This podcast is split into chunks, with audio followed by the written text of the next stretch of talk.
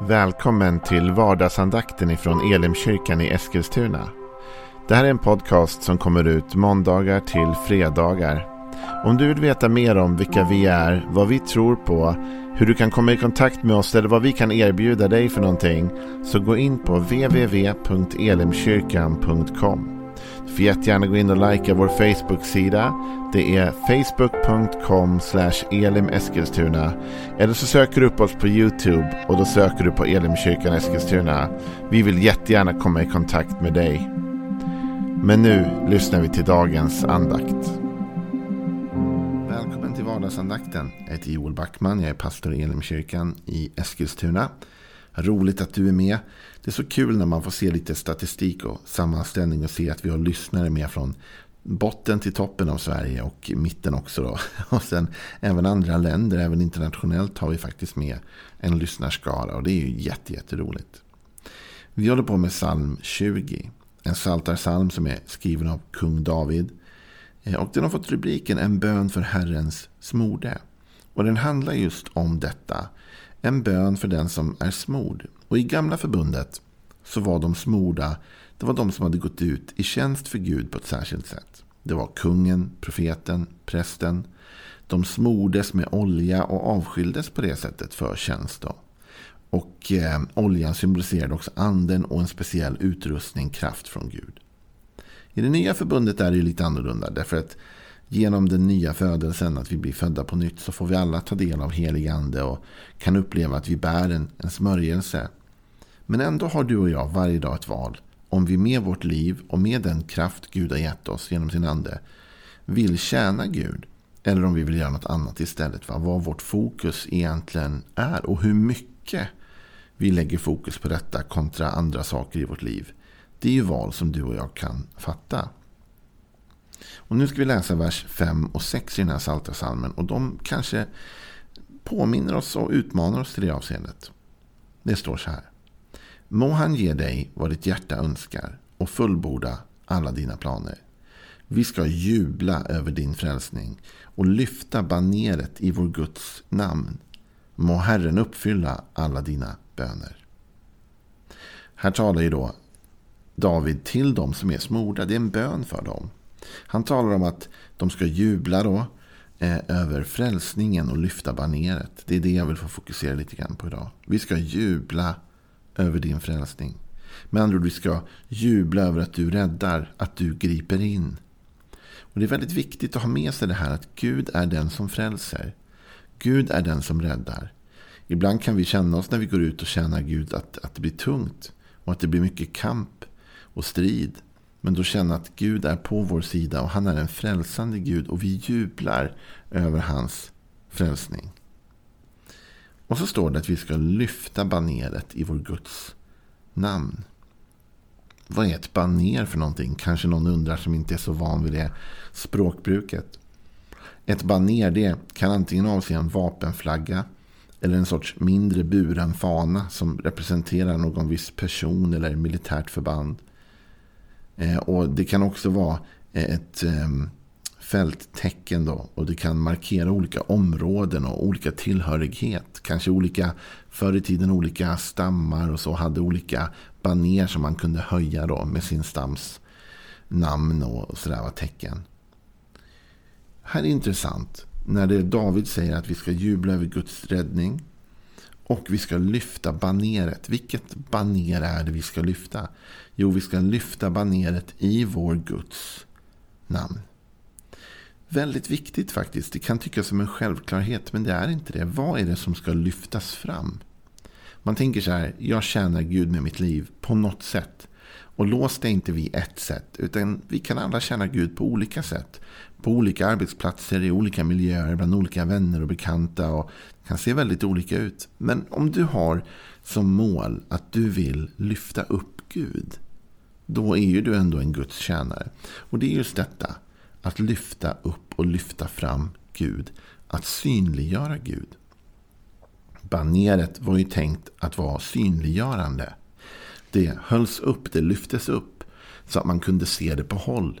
Så att man kunde se liksom på ett fält att där borta, där är den grupperingen. Och där borta är den grupperingen och där är det folket. Och så kunde man navigera sig också utifrån dessa baner. Ibland lyftes de upp som segerbaner också. Nu har vi vunnit det här området. Vi sätter upp vårt baner. Men just detta att kunna navigera, synliggöra. Och då kan man tänka, när man ser på ditt och mitt liv. Vad är det för baner som syns egentligen?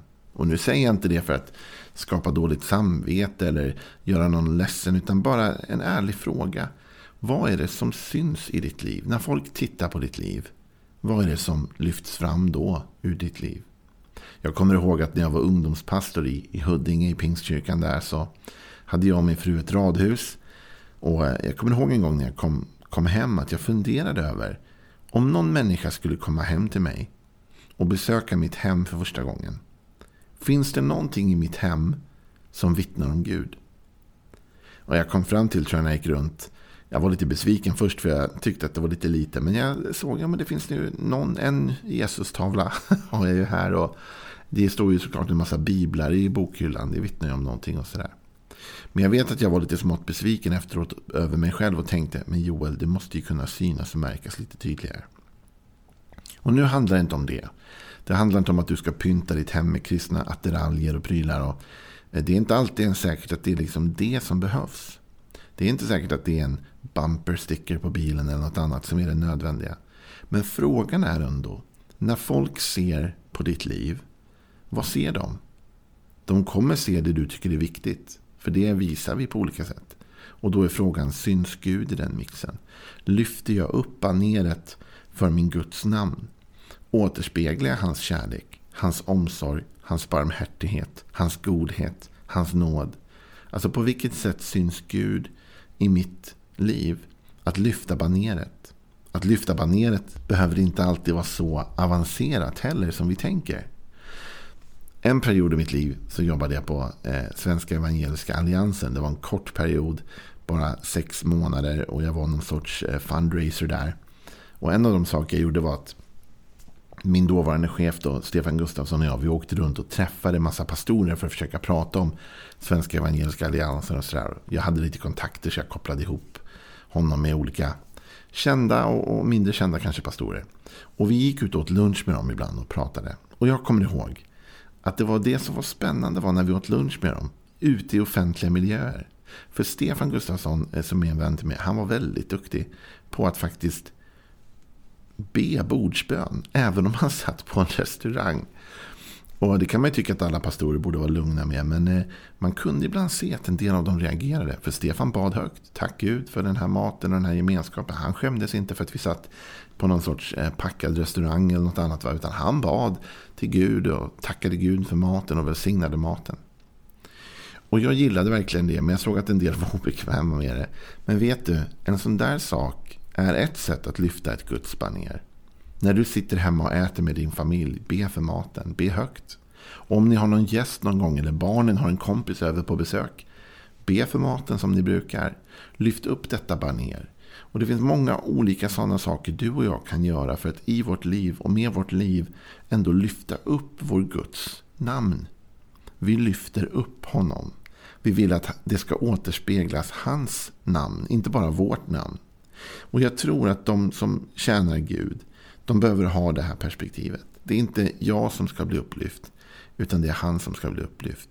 Det är inte främst jag som ska bli synliggjord här på scenen eller estraden. Och förstå mig rätt, det behövs estrad och scenfolk.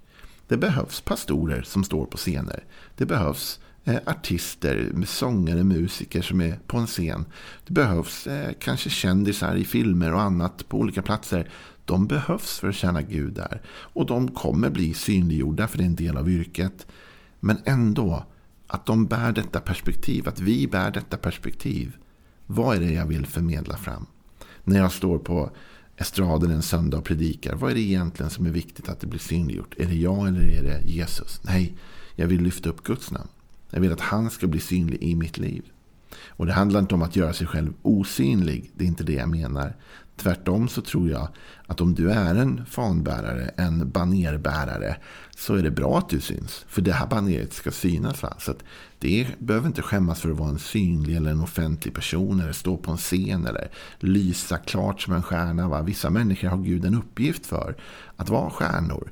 Men du ska ändå veta att vad är det jag vill visa på med mitt stjärnskap, mitt kändisskap, mitt liv? Vad är det jag vill få fram?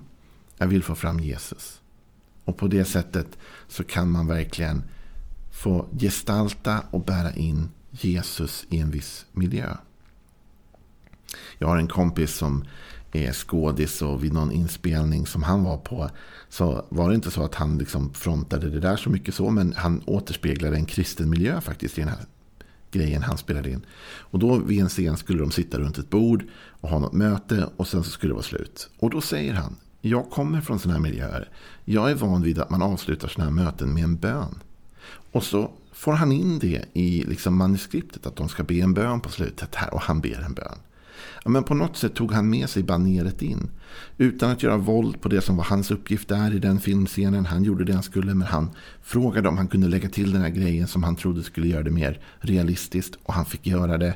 Och på det sättet fick han också vara med och faktiskt be i den här situationen. Vet du, du och jag, var vi än är, i vilka situationer vi än är, på vilka platser vi än är, kan alltid använda det Gud har gett oss för att lyfta upp hans namn.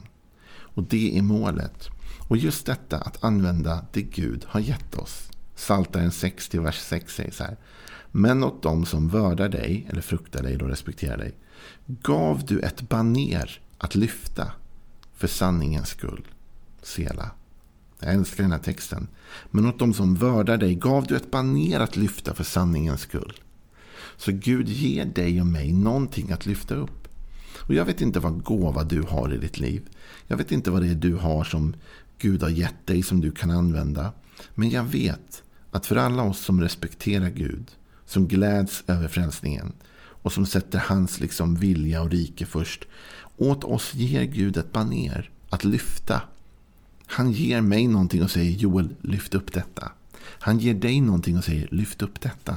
Han låter dig vara en bärare av sanningen, en förmedlare av det goda, av det som är rätt av evangelium. Och allt detta ska göras med vishet och förnuft. Det finns en tid att höja baneret och det finns en tid att vara förnuftig i olika miljöer. Jesus talar om det, att när vi nu går ut bland, som får bland vargar sen så ska vi vara kloka. Så säger Jesus. Det finns tider då du och jag kanske behöver liksom lyfta flaggan lite lägre om du förstår vad jag menar. För att det är, inte, det är inte läge just nu eller just på den här platsen. Men jag tror ändå att om du och jag går med en längtan i vårt hjärta och vi säger till Gud, Gud, min längtan är att tjäna dig.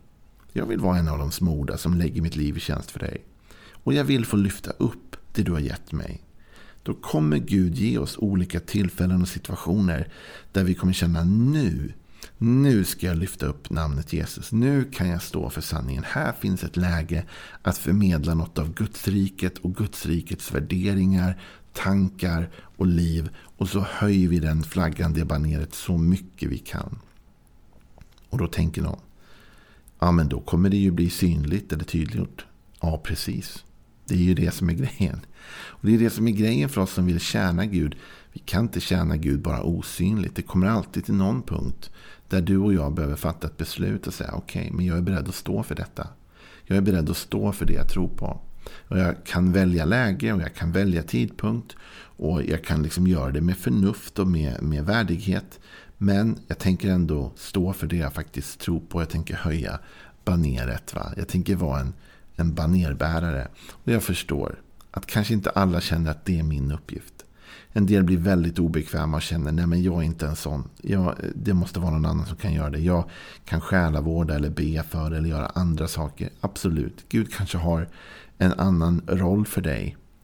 Men jag vill ändå idag bara få uppmuntra dig som är en banerbärare. Du som är en av dem som faktiskt ska synas och ska höras. Därför att du bär på ett viktigt budskap. Du är en flaggbärare. Du är en banerbärare. Du är någon som håller upp något stort. Du är en bärare av evangelium. Och Gud behöver dig. Och Gud vill använda dig och mig att våga lyfta baneret. Så Davids bön för den som var i tjänst för Gud var detta.